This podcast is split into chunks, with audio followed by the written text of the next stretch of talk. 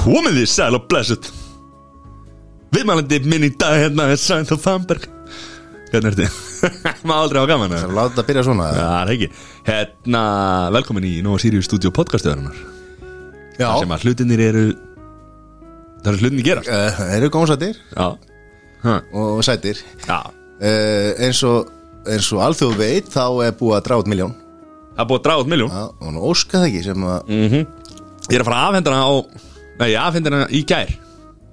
Já, hún fekk bara 100 áskalla Það var veginn búið að týnast 900 kallana Ein miljón, pældi þér Ein miljón Ein kúla, ein M. Uh, Gullmiðandir er ennþá umferð. Þeir eru ekki allir konur í, inn í hús. Já, Þeir eru í búðunum núna. Þeir eru í búðunum. Það er galið sko. Þannig að uh, Hvetjum alltaf að kaupa. Rómasúklaði Nó Sirius, þokkur stuðningin Gæti verið, verið gullmiði. Já, Enda þér á þínum. Það er rosalegt. Heyrðu, uh, við uh, tilkynntum það ekki sérstaklega en, en spengar er konin í kostninga Já. Það er kostninga framdann 25. september hvetjum alltaf að mæta á kjörsta styðja sér flokk. Eða skilauðu Eða skiljum við við Svo erum við svo vitlir Við þurfum að fá bara flokkan til okkar. Við sendum út á alla Alla flokka. Alla sem hafa bóðað Til uh, kosninga. þáttöku í kostningunum framdann Já. Uh, Það er einhverju búin að svara okkur og aðra ekki og við erum að býða til sörum og við förum að herja á þetta lið líka sko.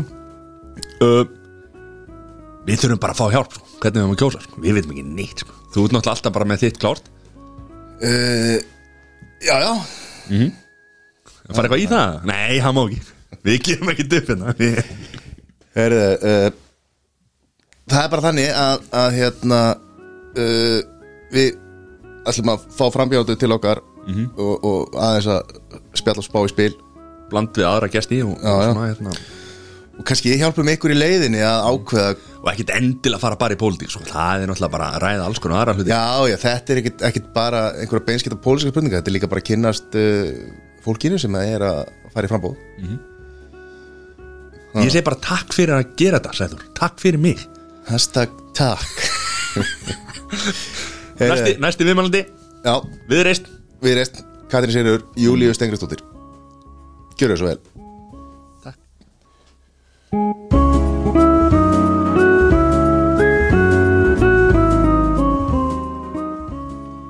Komið í sæl og blessuð.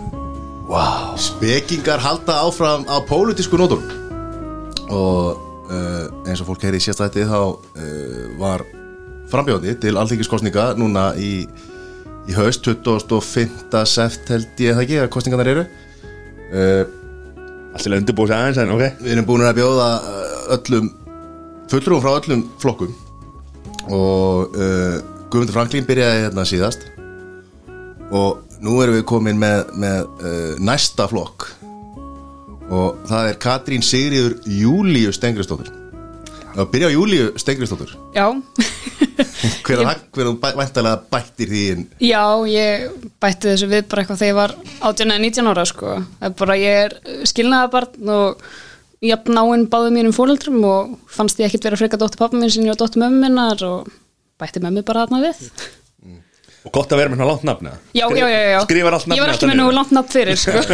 ég var reyndar ekki búin að telja hvað voru, voru ekki bara 29 stafir eða hvað, kemst Ég- þetta allt fyrir? Þetta kemst stundum ekki allt fyrir sko. Uh, en í, þá er líka bara fínt að geta bara gert punkt og eftir, bara Katrín S. punktur, J. punktur, hvað svona. og vegabrifið kemst allt fyrir þar eða? Vistu, ég hef bara nú ekki farið til útlanda svo ótrúlega rengi, ég hef bara ekkert gett á þetta, ég, veit, ég er ekki viss að ég veit hvað vegabrið mitt er eins og sko. Nei. Það er ekki þar. Sæður alltaf með sitt bara í hanskálinu Hann er alltaf bara úti annarka dag sko. það er ekki rétt Nei, Hvað ertu búin að vera ótt úti Æ, ok, við erum ekki að ræða það hérna. Heyri, velkomin til okkar Þú Takk. skipar þriðasætti hjá viðreist uh, í Reykjavík Norður Já, vissulega, ég er með hérna, tvo setjandi þingmenn fyrir ofan mig, það er Þorbrug Sigriður sem að við nú oftast kalli Oppa og Jón Steindur Valdimarsson, þannig að ég er bjart sín að þau haldist inni og ég detti kannski inn. En áður en við förum í pólitíkina þá Já. kannski svona aðeins um, um bakgrunn þinn Já. sem að leiði síðan til þess að þú feta þessa braut Mhm. mm -hmm. uh, Þú ert uppalinn í, í vesturbærin það ekki? Jú, mikið rétt. út af þeim, þeim þjóðflokki. Jú, það mætti alveg kalla okkur þjóðflokk sko. Ég hérna, bý í miðbænum núna og það er svona það lengsta sem ég langar að búa akkurat núna frá vesturbænum.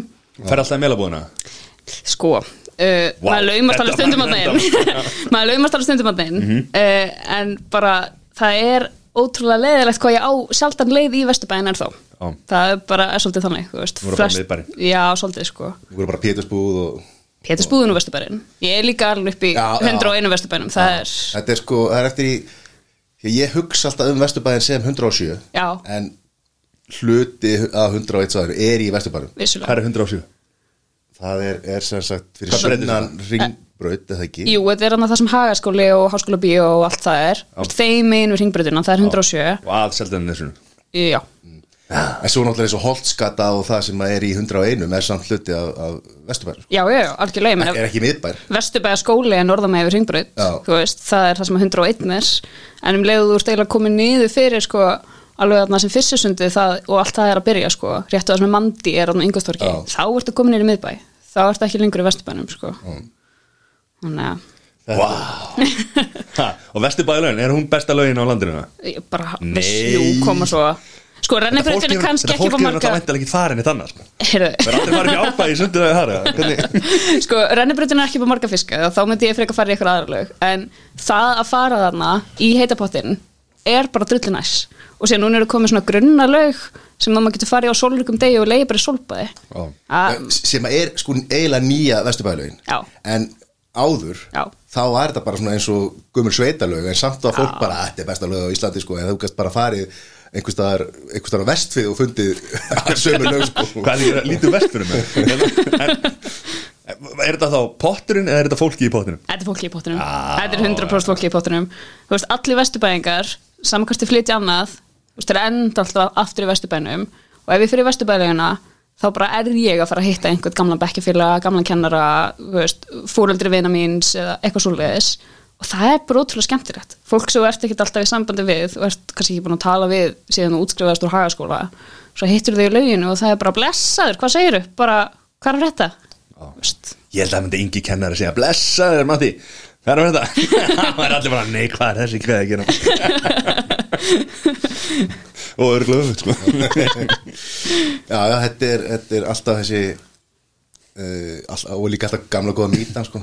Það er 90% líkur á að sér Björk Guðunus hérna, í, í Vesturbæðalöginni Já, sko, ég hef séð Björk einu sinni á minni æfi í Vesturbænum og ég hef búið þar alla æfi fyrir utan síðust tvö? Já. Mér finnst alltaf, gamla rótgróna sagan alltaf bara að þú fer í Vesturbæðalöginna þá er Björk eitthvað að spóka sér í bóðum Sko, það getur alveg verið að við finnum bara ekki á sömu tímum, skiljuru en ég, ég held ég hef bara séð hana einu sinni og það er bara er ætla að mynda hann í Vestbjörnlega Það getur vel að fólk sé að rugglast Ein mynd, hún er alltaf í en það er þá, það er hagaskóli og svo, svo MH Já, það er nú svolítið út fyrir Vesturbæðin Já, sko, ég mann þegar ég var í hagaskóla þá þetta alltaf talað um svona já, svo þegar þið velja mentaskóla þá en hafið það í huga að MR er svolítið bara sem svo hagaskóli nema sem mentaskóli og hérna margir sem að bara gliftu við því og, og vildu bara stefna þangað og ekkert annað en mig langaði ekkert í bekkjakerfi áfram. Mig langaði meira val, meira frelsi í mínum, þú veist, ákvæmna tökum hann til nám, geta tekið alls konar áfung og blanda þeim saman. Og MH kom þar bara sterklega til greina.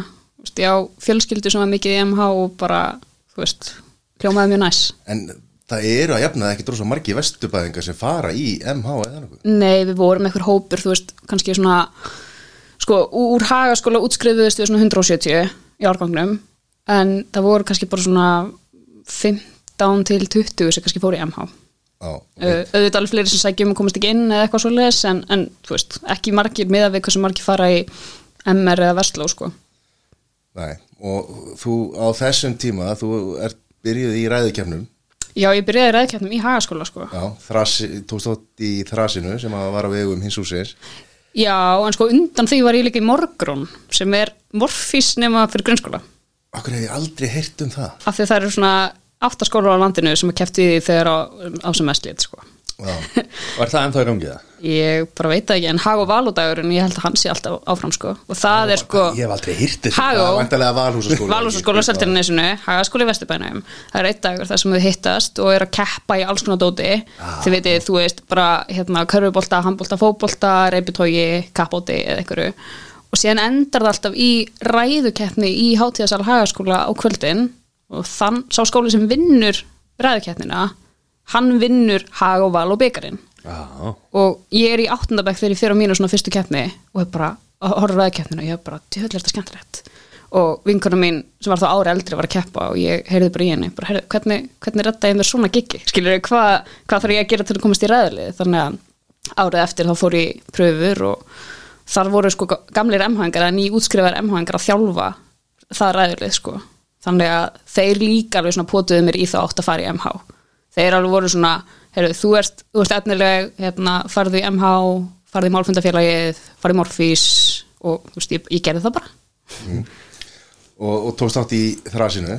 Já, ræðikefni já, þetta er svona áhuga manna ræðakeppni sem samastóð mest af sko mentskælingum og útskrifuðu mentskælingum og svo var ég aðna bara sömuri fyrir tíundabæk bara, halló, ég ætla að vera með. Þetta var bara svona bull umræðefni eins og eitthvað dregi í hústýragarðin og eitthvað svona.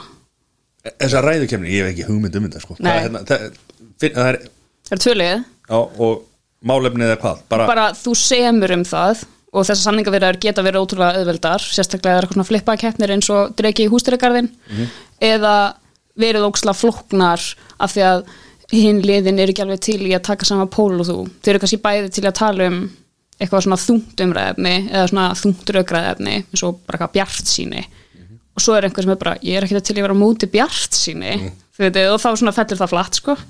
En þetta en annar liði þarf að vera með og hitta móti. Já, já, já, og þú ert með ræður sem stiða þinn málstað og svo þarfst að vera með svör við ræðum frá hinum sem eru skrifið fyrir fram og skrifið á staðnum og síðan eru dómarar sem bara eru að dæma fyrir þú veist ræðuna þína, málflutning, svör allt þetta já. en ef að þú ert kannski með eitthvað drega í hústýrikarinn og þú ert á móti því en Mhm. átt að tala með því er það ekkit málega? að tala með því ef þú ert að tala móti Eða, þú, þú ert kannski á móti því sjálf já, já, já, það var ekki drega í hústýrikarinn heldur en að fá íspjöldni eða eitthvað sko. Já, eða þú veist, Já. eða eins og er yfirlega einhver, við veit ekki hvort það verið akkurat um það eða til dæmis bara fóstureyðingar skilur Já, já, já. Væntanlega lenda margir í því að vera að taka sem sagt, taka argumenti með einhverju sem það er á móti eða öfugt já, sko. já, já, já, þá bara þú veist, það er í rauninni ekkert mál sko og jafnvel, þú veist, kannski ekki með eitthvað mál sem þú stendur mjög fast á eins og skilur að vera hlindur þungunarofi það, það að þú þurfir að tala á mótið í ræðukeppni er líklega ekki að fara á áhrif á þínar skoðanir eða eitthvað en þú bara ert til í að taka málstæðin sem eitthvað devil's advocate sko en síðan er alveg margt sem að svona hjálpar manni bara að sjá hlutina frá öðrum sjónarhornum sem maður var ekkert búin að pæla í áður sko. og þess vegna finnst mér oftast hollara sko, að tala öfugt við það sem mann kannski finnst nema að það sé eitthvað sem bara easy win, þú veist, sum umræðefni eru bara þannig að þú sérð ekki fyrir þér hvernig hinn málstæðinu gæti unnið sko, af því að áður en að það er sami um efnin, veist, meðan samninga verið um stendur, þá kemur kannski eitthvað tillaga frá hinu liðinu, þeir sendir svona miða á millikar með eitthvað svona nokkrum tillögum á svo ræðið þær. Og þá eru þeir að kortleggja upp eitthvað töflu og veist, ef þú sérð bara, ok, annar póllin er bara miklu sterkari við fyrstu sín þá meikar engan sens að taka hinn sko. þannig að breytir er svo sem ekki miklu hvað fólki finnst fyrirfram sko. þetta er náttúrulega bara keppni sem á fyrst og fremst að vera skemmtileg þó að hún getur stundu Skilji Já. Já, og hefur náttúrulega oft verið verið umdelt fyrir ímislegt fyrir, fyrir hugsanlega hérna, kynja, eða, sem sagt, eh, kynja hlutfall -hmm. og eh, og hérna eh, svona einhverjar ýmsar uppákomur sem að svona í gegnum tíðina þú tókst nú slæðið í þessu og varst formaða morfís Já, þegar ég var busi í MH þá hefði skellti ég mig strax í það að vera bara formaði morfís bara á landsvísu. Uh, og það var eftir að hafa verið árið á undan þar sem voru svona mjög augljós dæmi um bara hvern fyrirlitningu sem áttur til stað bara í aðdraðanda keppni og meðan keppni stóð og eitthvað svo leiðis þannig að þarna voru við að breyta lögunum þar sem að það væri sko viðlög við því að sína eitthvað svona aðdróttanir bara á vegum morfís sko og þetta var alveg fyrsta skipti sem vorum að grípa til slíkra aðgerða og ég þurfti að fara svolítið og verja þann málstað. Það voru ekki allir mér hrypnir af því sko. En þetta var bara nöðsynlegt þegar að staðan var orðin svona slæm sko.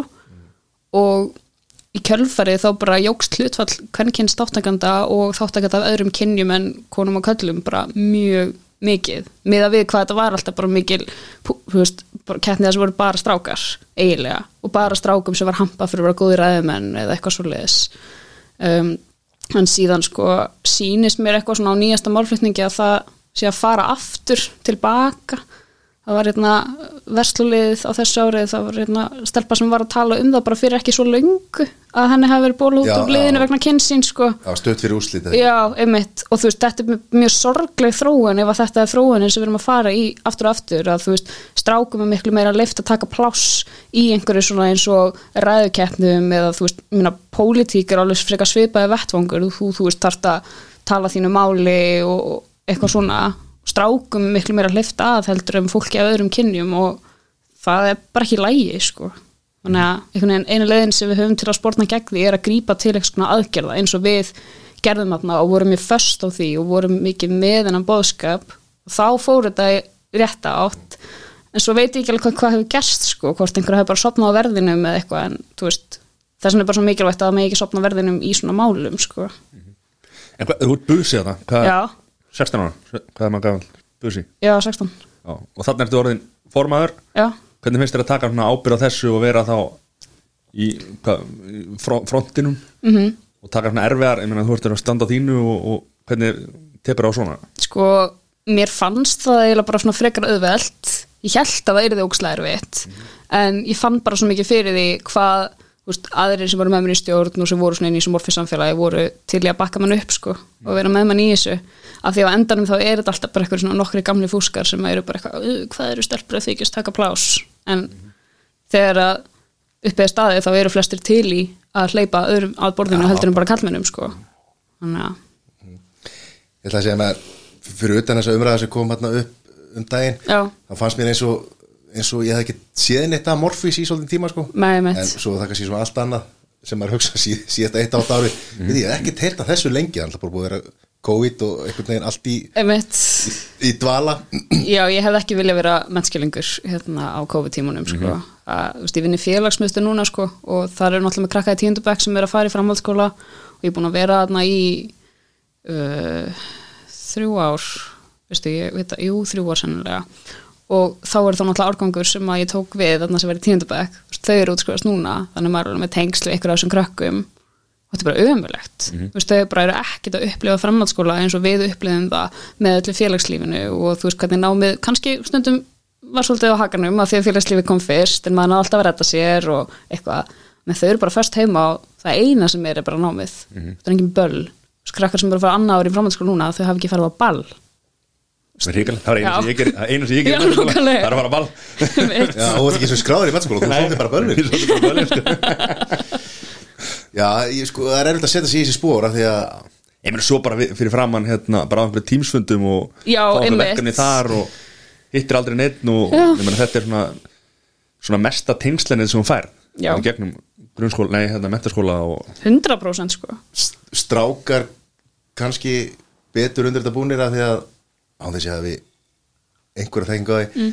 þú veist búið að vera vandamál í mörg ára þeir hérna loka sig af og er að spila töluleiki uh, og í kannski minni félagslegri tengingu Já, já. uh, þetta er alveg sprengja þetta sem þú ert að koma með fram kannski búin að, að einangra sig me, meira heldur en, heldur en að maður myndi halda í um, ljósi þessar umræðum töluleikja notkun ungra drengja ok, uh, en þetta er sko, Þetta er bara þetta hrikar. er, þetta er líka þetta bara mun hafa áhrif á, á bara samskiptahefni þessara krakka að vera líka alltaf bara eitthvað að horfa á eitthvað námsefni í tölvunni já, já en það vera að vera í beinum tengslum við, við kennaran og, og, fleira. Mhm. Það er auðvitað miklu betra ef þið fengi að sækja skóla en þú veist, að við nefnum tölvuleiki þú veist, það má heldur ekki gleyma að það er rosalega mikilvægt tól sem kannski jafnvel er eina samskiptatól margra við einhverja, sko. Krakkar sem er sérstaklega út undan í skólum og þú veist, spila kannski eitthvað tölvuleik finna eitthvað samfélag online sem að spila sama tölvuleik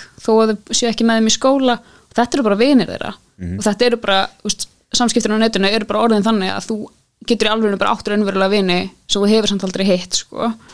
Og þú veist, við erum miklu betur, betri í því í COVID ef eitthvað er sko, að halda vinatengslum rafrænt, bara eins og ég var í gerkvöldi, sko, besta vinkunum mín var að flytja til Amsterdam og ég var í gerkvöldi bara með henni á Discord að spila eitthvað svona eitthvað borðspil í gegnum hérna netið. Er Discord einhvers konar töluleikja vettvangur að Nei, þetta er svona spjallfórið bara. Þú veist, þar sem þú getur verið í myndsýmtali eða, eða skrifað tjatt eða eitthvað svoleiðis það er mikið notaði töluleiki heiminu sann sko er hérna, Ertu, ertu gamer? ég er gamer sko Já, I like it Yes. En sko, það er náttúrulega Það sem að við erum náttúrulega aðeins eldri Já, já. þá, hérna, Þú veist, þegar maður var í tölvunni þá var maður bara í tölvunni þá var maður ekki að tala við neitt sko. Já, Nei. hún líka spilaði þegar ég var að spila sko, þessa fyrstu FIFA, eh, nei, Playstation tölvur uppröðulega sko, þá gastu bara að spila við tölvuna sko, Já, spila við aðra, það var ekki komið online system á það Svo núna, þú veist, ég meina þá ertu bara, þá ertu eins og, eins og segir þú ert að tala fullt af fólki og það er verið Mhm. að spjalla og það er mannlega samskiptur og svona, sko, þannig að það er alltaf við tengjum alltaf öðru sem við tölvuleiki heldur en að því að við erum ekki Já, ég meina, gamers. fyrst þegar ég var yngri og var að spila töluleiki þá var þetta bara eins og lýsir, þú veist, ég var bara fyrir framan eitthvað túbusjónvart með Nint- Nintendo 64 að spila Mario Kart, sko, og kannski voru vinni mínir í heimsum og gáttu að spila með mér eða ég horfði á það að spila eða eitthvað og meðan núna þá sest ég bara fyrir framan bortöluna mína og kveiki okkur í spjallfóruti og leiknum mínum og get bara að spjalla við þann sem ég er að spila við ef mér langar til þess, eða spila við vinni mína í gegnum þannig, Það er sko. eitt frendi minn, hann er alltaf með, sko, hann með þrjá skjá eða eitt skján er alltaf bara einhver, einhver þáttur eða bíómynd í gangi, sko. Svo ertu með tölvuleikin og svo ertu að spjalla við vinina og svo ertu í símanum líka Ég, er með tvo skjáði sko, alltaf bara fyrir eitt fyrir töluleik og annan fyrir að horfa á streamers að spila töluleiki Já, nákvæmlega. og hvað leikir það? Uh, sko, þetta er rosalega bara svona vítt, bara svona spektrum af því sem ég er að spila. Uh, reyndar sko ekki núna vegna þess að fyrirtækið sem að gera þannig leik er vist bara uppfyllt að kvennfyrirlitningu en ég var rosalega mikið að spila World of Warcraft Ok, uh, og hérna og Sims. Og síðan bara svona allt þarna á milli. Og Sims, þá ertu að byggja borg og Ég, nei, sko, þá ertu að bara stýra fólki og byggja hús fyrir þau, þetta er bara svolítið svona eins og mjög extravagant dúkulegur þannig að, að fara sko alveg frá þeim enda upp í eitthvað svona World of Warcraft þar sem að þú ert með eitthvað svona ævintýra karakter að berjast í skrýmsli og að ég spila mjög mikið að þannig á milli það er eiginlega bara fáið leikir sem ég spila ekki. Ok, geggja maður. Tölvleika heimurinn orðin stærri heldur en sjómars og, og bíómynda uh, aðfreyingar heimurinn. Já, algjörlega. Þannig meina, það var, hvað var, var eitthvað mótið hérna í í löðursöldinni, það var bara, var stærra heldur stára áhóru þar heldur en á Super Bowl, ameríska fótboltan og Mhm. Það er eitthvað gali, sko ég, Svo líka íþróttarhefingar núna byrjar að vera með svona, þú veist, rafíþróttadeildir mm. að KR og fylgir og eitthvað svona. Þau eru bara komið þjálfara og Ætlar að fara í káar eða? sko, það væri alveg næs. Og væri alveg til í það gott gegn sko, en kannski maður gerir það þegar að maður er búin að sko klára háskóluna og, taka svolítið slag í pólitíkinni og allt þetta. Já, en ta talandi um tækni. Já, Það var stórkvæmst stund þegar þú uppgötaði skífu síman nei, þú fannst það. Já, hvað var það? Við erum eitthvað að fara við þetta. Varst 11 ára og, hérna, komst á í fyrstu kynni við, við skífu síman svona, Þetta er 2009 Já, já. Og hvað er ég? Sími sem er svona skífu þú svona Ég veit að ég er alveg upp að ég, ég var bara Ég nota var- þennan síma, sko. ég var smá hissa sko. Ég, nú- þessi sími var til heima á mér. Uh, Já, já. já sko mamma fekk eitthvað þá hugmynd sko að því að, að hún uh, vinnur sem blaðamæður og gerir rosalega mikið af eitthvað svona mannlífsgreinum og eitthvað þannig, hún er ekki mikið í fréttunum heldur bara eitthvað sunnundagsviðtölum og þannig. Og hún hefur mjög gaman að því fyrir góða hirðin. Og hún rakst á svona svona ljósgráan skífusíma í góða hirðinum og bara, heyrðu, já, Rauðir nappar. Já, það var bara, heyrðu, já, þetta er, þetta er flottur heimasími, geggjað. Og síðan komum þetta heim og var bara eitthvað með eitthvað algjara gelgi, bara, oi hvaða síma varst þú vilja koma með heim? Bara þetta er ógst aðsnarlegt, bara þetta er ógst gamaldags og þetta er náttúrulega bara töff, skilur við sem ég sé í dag, þú veist að þau voru ekkert allir að nota skífu síma ennþá árið 2009 og vinkunum mínar, þú veist, þeir eru komið heimsótt eitthvað, maður fá að ringja og ég var bara, já, byrju, ég þarf að kenna þér á síman Þetta var náttúrulega ekkert mál hérna áður en að símanumurinn sko og eruðu fleiri tölur sko. Já, þeir voru bara bara fimm þú veist, maður alltaf í 20 myndir að ringja já, ég veit. Svo gerir maður vittlust, ó, skellti á aftur upp. Ég lendi oftar en einu sinni í því sko. Ég var einmitt bara, ég skildi ekki hvernig einhvern datt í hug að þetta væri bara ótrúlega sniðut í staðan fyrir ít og taka sko. Mm -hmm. þú ert miklu fljótar að ít og takana en, en þú veist, mér veist skífur símar miklu fallegri. Og maður sér það alveg eftir á sko þetta er ekki eins ljótt og mér fannst þegar ég var allir var að gelga. Svo komur svona skífisíma sem voru með takka í staðin fyrir skífuna þannig að þurftur ekki að ok, set, hérna, snúa þetta er ekki bara á takkana sko. Ok, það var ok. það svona Ég er bara stóri sím sem, sem heitir borsími Nei, já, en voru með svona skífu og takkarnir voru voru í með þannig skífunni, lúk sko. Já, voru Þú veist, þannig að takkar var- inn í skífu Já, já, þannig að það var ekki takka Já, borð skilur Hvernig virkar það? Því að eina, þú veist, eina leiðin til þess að muna símanúmer það er bara, þú veit, kannt puttarhefinguna einmitt. Þú veist, ekki, þú kannt ekki þegar þetta er komið í ring Kannski nota bara litla heila þeim skilur við að muna. Já, ég tengi ekki við það sko. Ég, ég, bara, ég er, er alltaf óþægilega góðið að muna símanúmer sko. Ég, er að tala um, ég held að ég muni símanúmer hjá öruglega öllum fyrirvændi kærustunum mínum sko. Það, þú veist, það er vandræðilegt sem sko. er mjög vant sent á rauða skoldum nei, nei, nei, nei, nei, það er allt í góðu sko. Ég er búin að vera sjóra sambandi núna. Þessi símtölur eru long gone. En hvað hérna öllum númerunum nei, nei, ég bara Vá. ég, nei, ég segi bara svona Já. skilur þú veist, þetta er símanúmer sem hefur engin not fyrir Já, já. en þú veist, þú manst, manstu samt Ég man ekki neitt sko. Já, ég myndi eins og svo bara gegnum tíðina núna á maður erfitt að vita sko, Ég man að heimanúmer- þú, þú klikkar alltaf bara núna í mörg, svo mörg ár hefur maður bara klikkað okkar nafn til Já, að einmitt. Og sí, ekki, maður sér ekkert númer á bakvið það nei, þannig að það er búið að fenna yfir þetta. Ég veit númeri hjá, bara heimanúmeri hjá mömmu sko sem ég er bara alveg fyrir, that's it sko. Ég þurfti alveg að leggja á mig sko muna símanúmer hjá bestu vinkunum minni að þú veist við kynntumst eftir að maður svona ítir bara á nafnið sko. Og síðan hugsaði ég verð nú að kunna númerið hennar ef ég þarf ekkert um að ringja hennar og er ekki með það. Þannig að ég bara svona ándjóks tók eitthvað dag þar sem ég var bara svona að þylja það upp í hausnum mínum bara til þess að ég myndi muna það sko. Og ég meina það virkaði Ég er bara, mér er alveg sem, ég ætla ekki að fara að ringi hann hvort þið er. Nei, sko Já, en núna, sko þetta er næstu því að vera ekki vandamál. Já. af því að þú hefur alltaf aðganga já.is eða einhverju leið þar sem Já, ungt er fólk er eiginlega ekkert á já.is Ég er á já.is bara út af svona einhverju skildurækni við vísindi af því ég, þú veist, þess að var að vinna í rannsóknum upp í Háskóla Íslands í sumar og þar þurftum við að ringja í fólk að beða að taka þátt í rannsóknum okkar. Og við finnum ekki símanúmer hjá fólki í úrtakinu okkar nefnum með já.is og það var alveg vandamál að finna þá fólk til að taka þátt frá átjón til svona þrítugt. Þannig að ég bara svona, heyrðu ok, ég ætla að skrá mig á já.is þannig að fleiri vísindamenn landi ekki í þessu af því að þetta er alveg leðilegt sko. En akkur fer þetta ekki sjálfkrafa bara inn og þú þarft að hafa fyrir því að taka þetta sér tekið út. Af því að þá ertu búin að byrta upplýsingar um eitthvað einhver staðar, í einhver tíma sem fólk vill kannski ekki endilega sé byrt um sig. Já.is má ekki safna símanúmer persónulegar upplýsingar og já.is getur ekki safna þeim á þess að láta þið vita. Vá. Það er búið að svara því. Já, þetta var bara svona ef þú segir að þá hérna Nei, er bara þá, þá er það alltaf meira meira og fólk er farið að ta láta taka sig úr að Algjörlega. Ungt fólk kannski bara fer aldrei inn á skráningunni á á.is og fullt af öðru eldra fólki sem er búin að vera þetta lengi er farið að, að taka sig taka sig út sko Já. það er svona, það var tískan að vera eitthvað drekatemjari og, og eitthvað svona, þú veist, láta skrifa Já, já, ég, við, ég hétt hringadróttir náttúrulega lengi í hímaskráni sko. Já, og svo núna er, eru margir náttúrulega sem að bara svona bæði hugsa, vilja bara ekki láta ná í sig nema að sé eitthvað erindi, út af ýmsum ástæðum og, og hérna og svona, það er alltaf pyrrandi að því að nú er maður með jábúndur í síman hérna, appi í símanum, Mhm. þannig að þú veist, ef það er skráð þá sér maður hver er að ringja þú veist, maður er alltaf bara maður, svo góðu vanur, að þegar það er ekki skráð þá er maður bara, hver getur þetta verið? mm Það er alveg óþægilega sko, því þú veist, þú skráðu ekki jápunduris og sem leða eitthvað númer hringir í þessu og þekkir ekki, þá ferður nú jápunduris til að fletta því. Þú veist, það er bara svona kontradiktori sko. Ég slæði alltaf einn sko, bara kassi 31 kassi Það Svo er óþægilegt. Ég svara ekki leinunúmerum sko. sko, ég er náttúrulega bara alveg upp bara frá því að ég er kannski svona nýjóra þá til ég er 15 ára, það var bara mest að tíski heimi að gera símaöð með leinunúmerum og það var alltaf svona eitthvað bara svona fyndin símaöð eða líka bara fólk sem var bara að vera óþægilegt.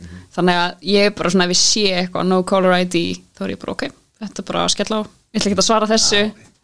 Hefur tekið síma þetta? Já, ég hef alveg tekið símaöð Og hvað, hvað var sko, svona best, besta símaðatið sem ég hef einhvern tímann tekið uh, var símaðat sem var aldrei komast upp um að hafa verið ég. Og ég veit ekki einu svona hvað fólk þetta var. En Ok. þú veist, kannski þú veist, eru hlusta þau hérna og, og fatta hérna hver þetta var sko.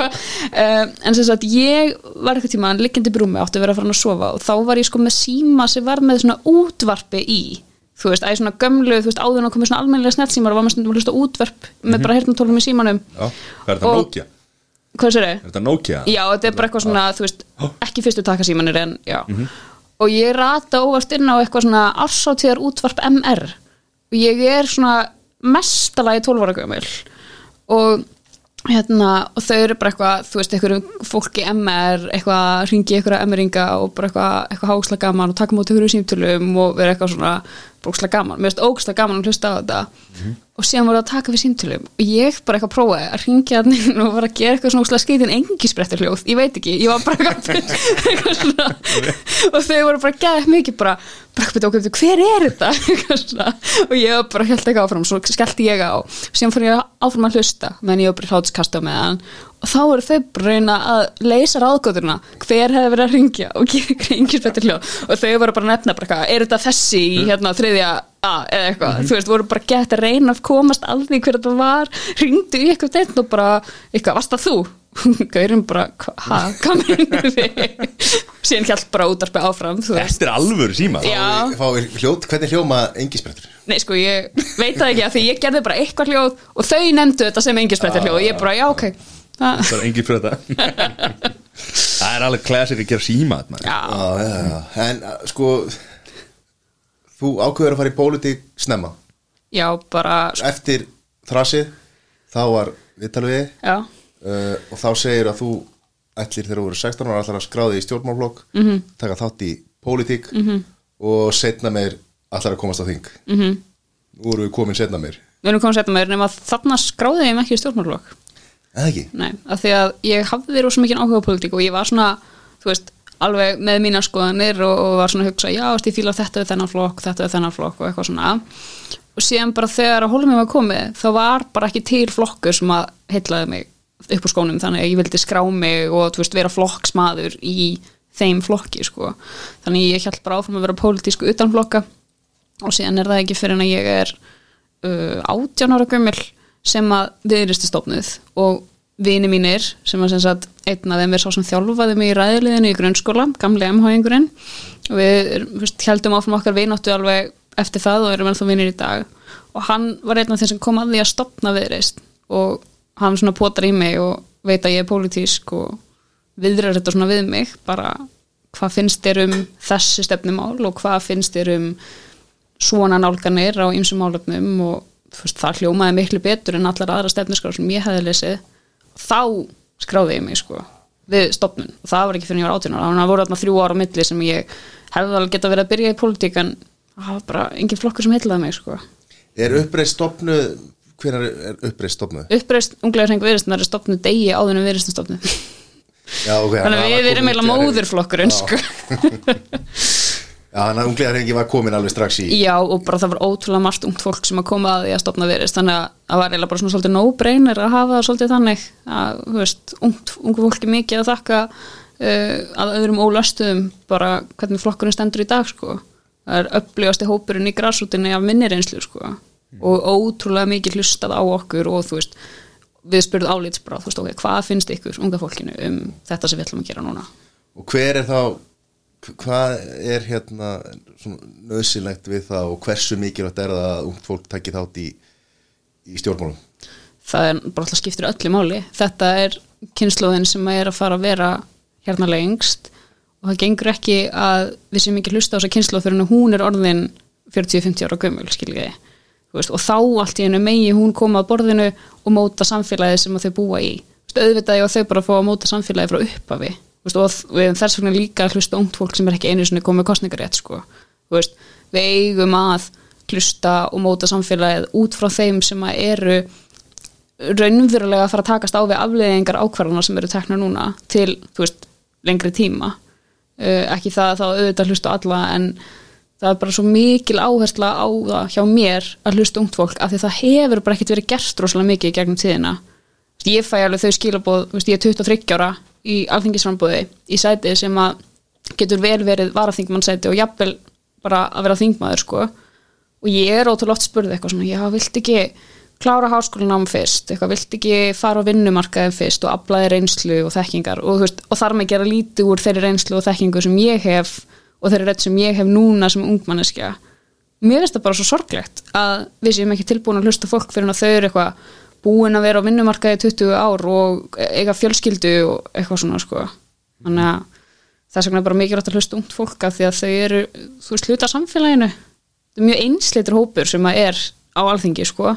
Það er fólk á svipuðu aldurspili meðal aldurinn þú veist, 53 eða eitthvað eiga flest börn eða eru með börn á leiðinni eiga jafnvel barnabörn veist, um, eru flest ekki af erlendum uppruna um, svona millistjætt upp, svona uppur middleklass eitthvað svoleiðis. Þannig að það að leipa ungu fólki að og fleiri hópum, það bara eigur fjölbreytileika á alþingi.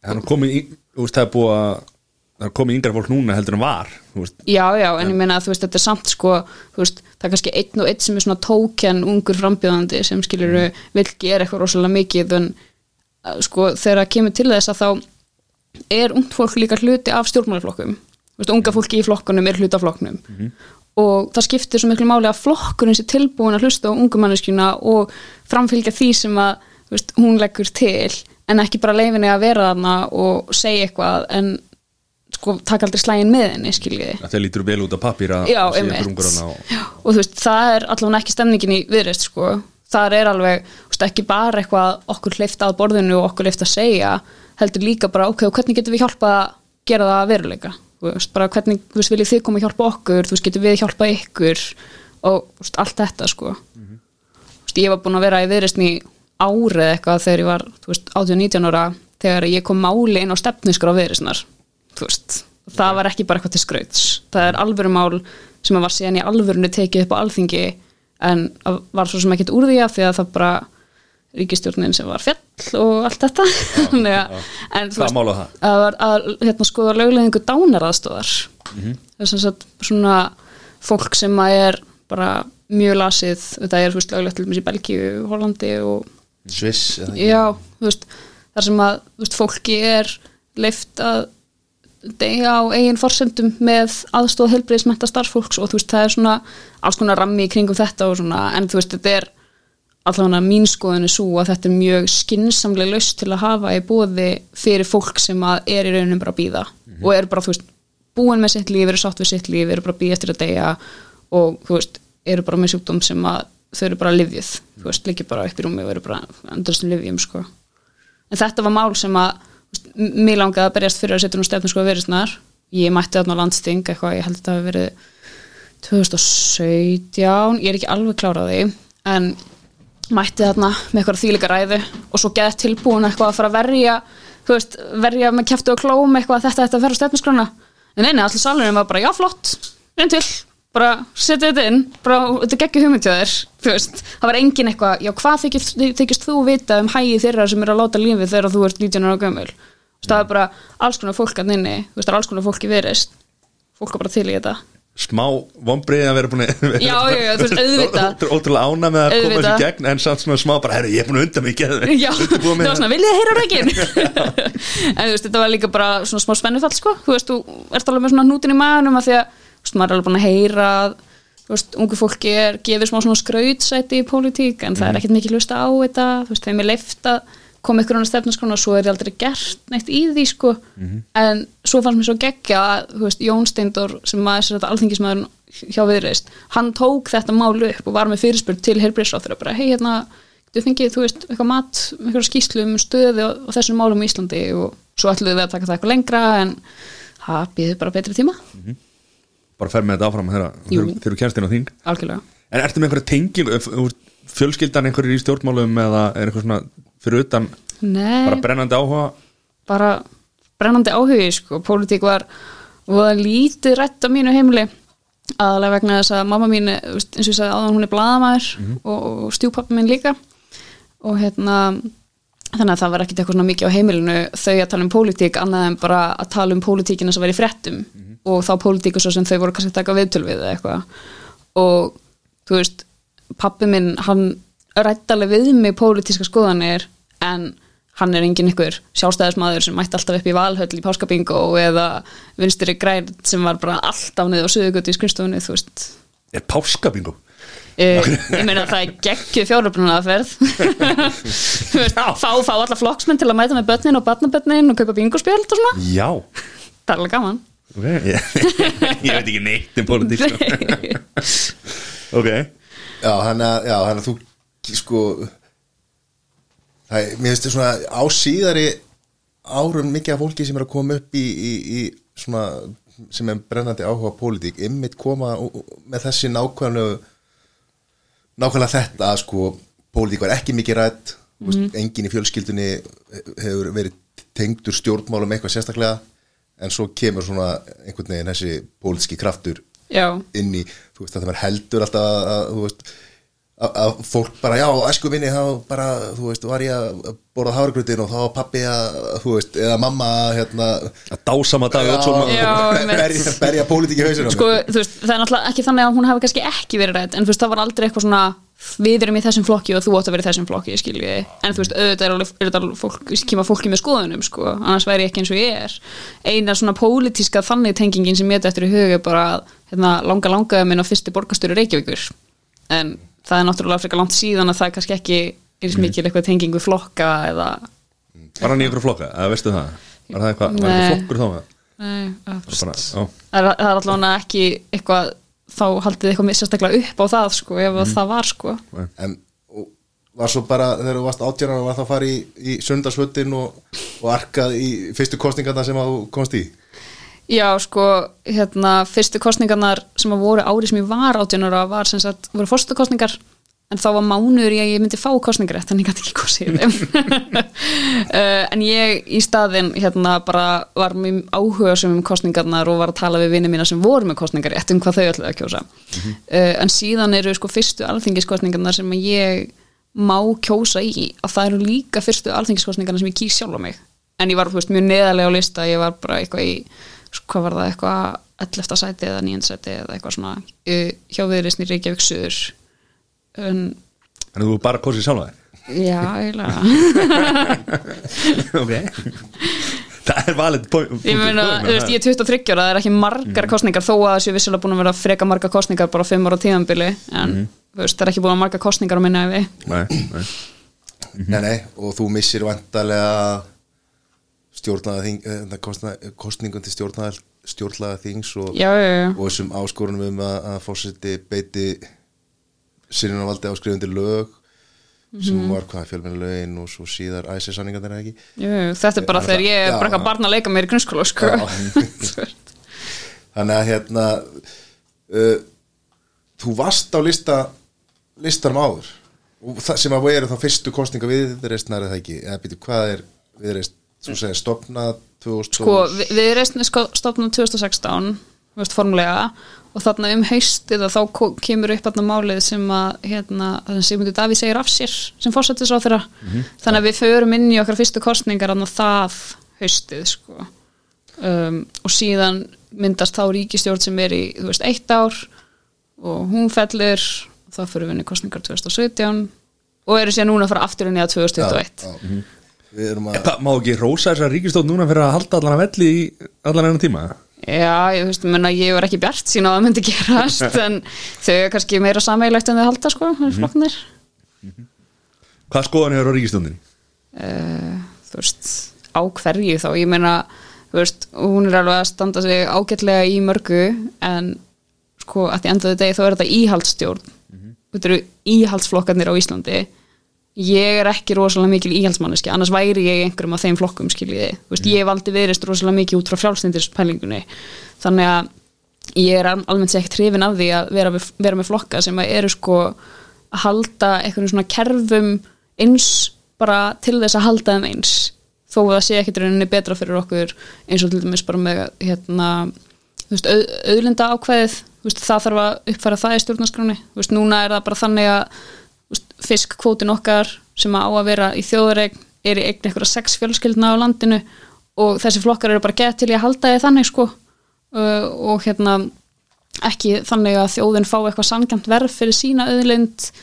Uh, þetta er flokkar sem að sko neita að gera samninga þangar til eiginlega bara fyrst núna þegar landsbítalinn er að grátbyggja um það eru að neita að gera samninga við sjálfstæð starfandi sem eru með sjálfstæð starfandi heilbríðstjónustu bara þess að létta álega landsbítalunum sko. Mm. Vist, og, ekki og þeir eru alltaf ekki græn eitt í umhverfismálum heldur sko.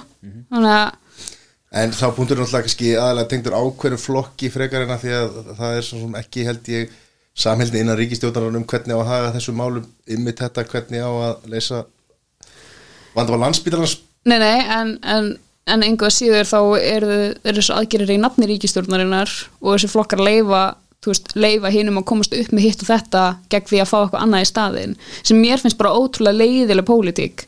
Að þú veist, þú sérða hagsmunum almennings er betur fólki hérna er þess að bara betur varið í það að gera eitthvað ákveðið.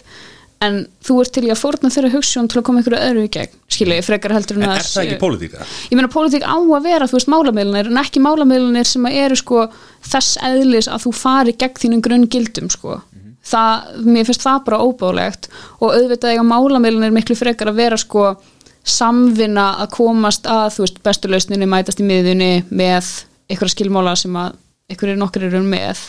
En þetta eiga ekki vera málamiðlunir sem eru þess eðlis að við fórnum bara okkar svona grunn hugsunum hvernig við viljum reka samfélagið. Það er ótrúlega óholt fyrir pólitíkus að vera bara ótrúlega tilbúinir að víkja frá því hvað þeim finnst sko. En svo náttúrulega er þetta bara, ég meina, segjum að við erum náðu núna bara frábærum kostingum og þið eru í, hérna, er að fara að mynda einhverja stjórn og svona, svo Einmitt. kom einhver, einhver atriði sem að þið er ekki já. sammála um. auðvitað, ég meina þá fyr, fer maður auðvitað í málamilunum og svoleiðis en eins og við til dæmis, við erum ekki að útiloka neitt flokk fyrir hérna, stjórnarmynduna verið þær, af því að við viljum að málefnin ráði fyrr af því við viljum sjá hvar við fáum sem flest málefni inn og þú veist hvar mál, málefnum er sko þannig málamiðlað að grunnhugsunin hverfi samt ekki sko þannig að En myndi, haldið að þið myndi frekar þá fara ekki í stjórn, heldur verið í stjórnarnanstöðu ef að það eru einhver svona smáatri, eh, smáatri eða það eru einhver atrið sem að falla einhver ekki í kramið. ég meina ef að við erum ekki að fara að mynda stjórn í kringu þau málefni sem að við trúum á þá held ég að þessi stjórn sem að við ættum mjög erfitt sjálf með að trúa á sko. þannig að ég þú veist, en ég meina verður það ekki bara að ráðast af því hvað, hvað mann er býðst sko. af því að þú veist, ég allavega persónlega þó ég sé ekki að tala fyrir hönd flokksins þú veist, ég á mjög erfitt að sjá fyrir mér að, að viðreist myndi sætta sig við einhvers konar ríkisstjórnarsamstarf þar sem að frjálslindi er ekki í háfum haft og þar sem að við munum ekki kjósum aðeld að Evrópusambandinu og þar sem við munum ekki skoða hvernig við ætlum að breyðast við umhverfismálum af alvöru og öllu þessu sko. Af því þá, þú veist, hvað er þá eftir? Þá erum við þarna bara til eitthvað skraut sko.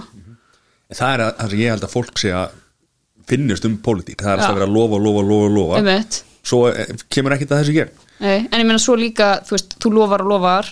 Og kemst inn í kannski í stjórnarandstöðu og staðarinn málsins er bara svo að það er miklu erfiðar að ná málum í gegn í stjórnarandstöðu en ríkistjórn, sérstaklega þegar það er meiri hluta ríkistjórn uh, við samt alveg náðum á þessu kjörtíðanbili að koma einhver í gegn sko en það var ekkit átakalaust þetta voru ekkit eitthvað mál sem við bara hendum fram og fólk og bara gett til í það og allir eitthvað bara til sko þannig að veist, það er hægt að segja að pólitíkus á að lofa, lofa, lofa, lofa og þú veist, að sjálfsögðu eru pólitíkus sem hafa lofað og verið í stuðu til þess að gera eitthvað í því og ekki gert það sko.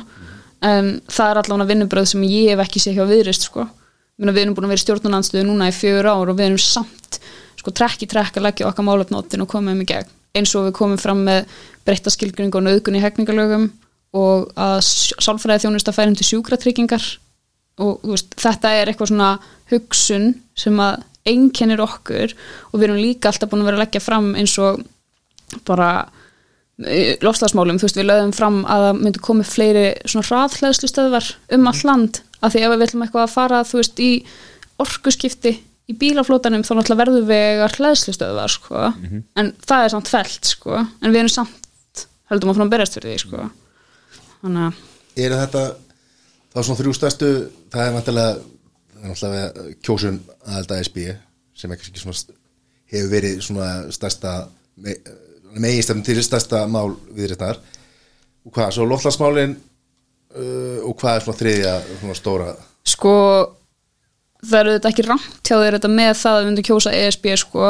Uh, og það sé eitthvað mál sem við erum veist, að leggja upp með að það verði veist, tvöföld veist, eigum við ganga til atkvæða fá samning og síðan, ok, hérna er samningurinn viljið þið skrifa undir eða ekki? En að það sé hérna eitthvað svona stærstu áskorunar sem við stundum framifyrir er kannski ekki alveg þú veist, tónnin sem ég myndi nota fyrir það af því að það eru klárlega lofslagsmálin og það eru heilbreyðismálin og efnahagsmálin og kannski undir því auðlindamálin, það sem ég var að tala um áðan með þú veist, kótakerfi okkar. Að þú veist, það þarf að upphæra það.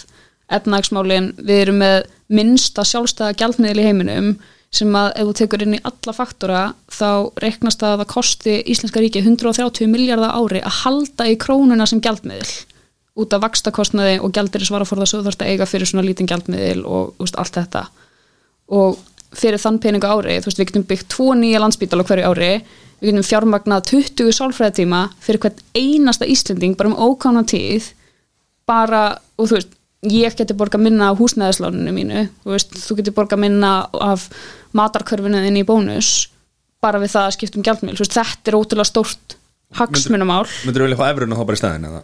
Nei, veist, ég myndi vilja sko, í rauninu bara svona binda gengi krónar við evru á einhverju svona bíli í samning við Evrópska Sæðlabankan mm.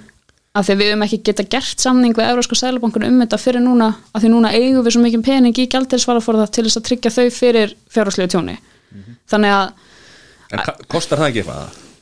Þú veist, að móti, nú bara spyr ég eitthvað ég, ég meina að þú veist, það, það kostar allavega ekki meira heldur en það sem við erum að halda upp í núna. Það kostar okkur miklu minna og þetta er líka sko annað heldur en eitthvað að við séum að þetta er ekki þessi fastgengi stefna sem að var einu sinni við líði, það sem að kostaði og þú veist, við vorum að gera þetta eigin spýtur þetta er í samstarfi við Európska Sælubankan og þetta allavega hendar fólki miklu betur til dæmis bara ef þú kaupir eitthvað á netinu og þú eitthvað reknar og eitthvað svona sér því já, hann er flott hirtnatól, kostar 5 skall.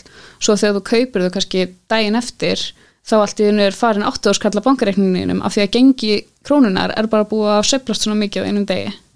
Og það er ekkit sérstaklega næst sérstaklega Íslendingar í útlöndum. Sem ég var að nefna áðan að hérna, besta vinkunum mín var að flytja til Amsterdam í nám og það er allt í evrum sko. Og það er kannski erfitt að leiga kosti þúsund eurur á mánuði og þú reiknar það að þú ferð út í nám og ert bara ok, svíti og efna því á mínu námslánum, bla bla bla.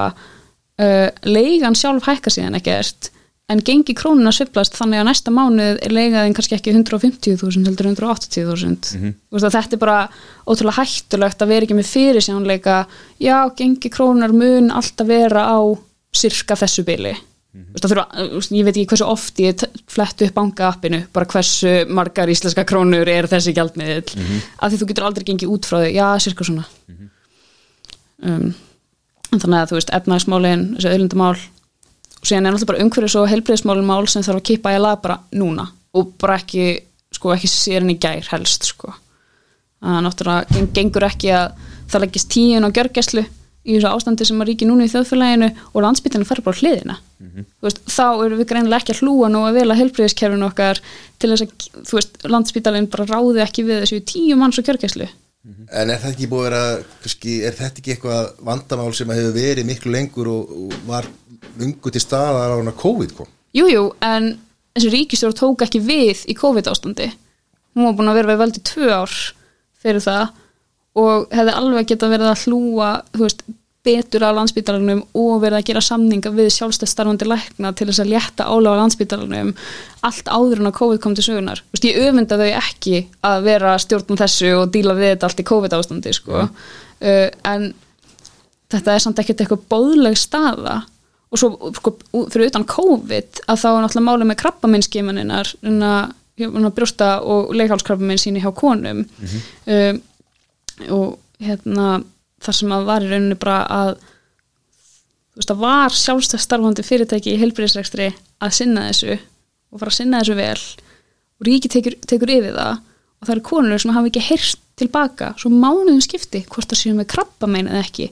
Það eru síni sem hafa týnst og það eru konur sem veit ekki einu svona hvort að síni er að hafi týnst eða ekki. Það er erfitt fyrir þær að komast aftur að hjá lækni núna til að taka síni það því það er svo margar sko, sem eru bæði að hérna, fara í sínatöku í fyrsta skipti. Veist, það er bara sami gangur á því, þú veist, fólk er að fara í sínatökur. En síðan ertu líka að fá fólk aftur af því að kerfið klúraði sínunum þeirra. Þú veist, það gæti verið fólk aðna úti uh, sem að er með, þú veist, þannig líka að þau þurfa að fara í svona sínatökur sem að gæti verið með krabbaminn og þau bara vita það ekki og það er náttúrulega gríðalega, að vita það alveg gríðalegt mikilvægt eða þú ert með krabba að uppgöta það sem fyrst. Nefnilega, Þessi- þannig að þú veist þetta er bara bein aflegging þess að ríki neitaði að semja við sjálfstæð starfandi heilbyrðistjónustu að þau geti haldið uppi þessari þjónustu fyrir sjúklingana sína án þess að það kostaði sjúklingana meira veist, og það er að ábyrð ríkisins að semja við þau og vera ekki að taka yfir þetta. Þannig að er þessi tókstreita á milli stjórnarflokka sem að hafa mismunandi sín Já. uh, í rekstri heilbriðiskerfisins og, og hvernig og, eða hvort og þá með hvað hætti uh, engar er að koma, koma að ja, Hvernig er þetta að breyta þessu?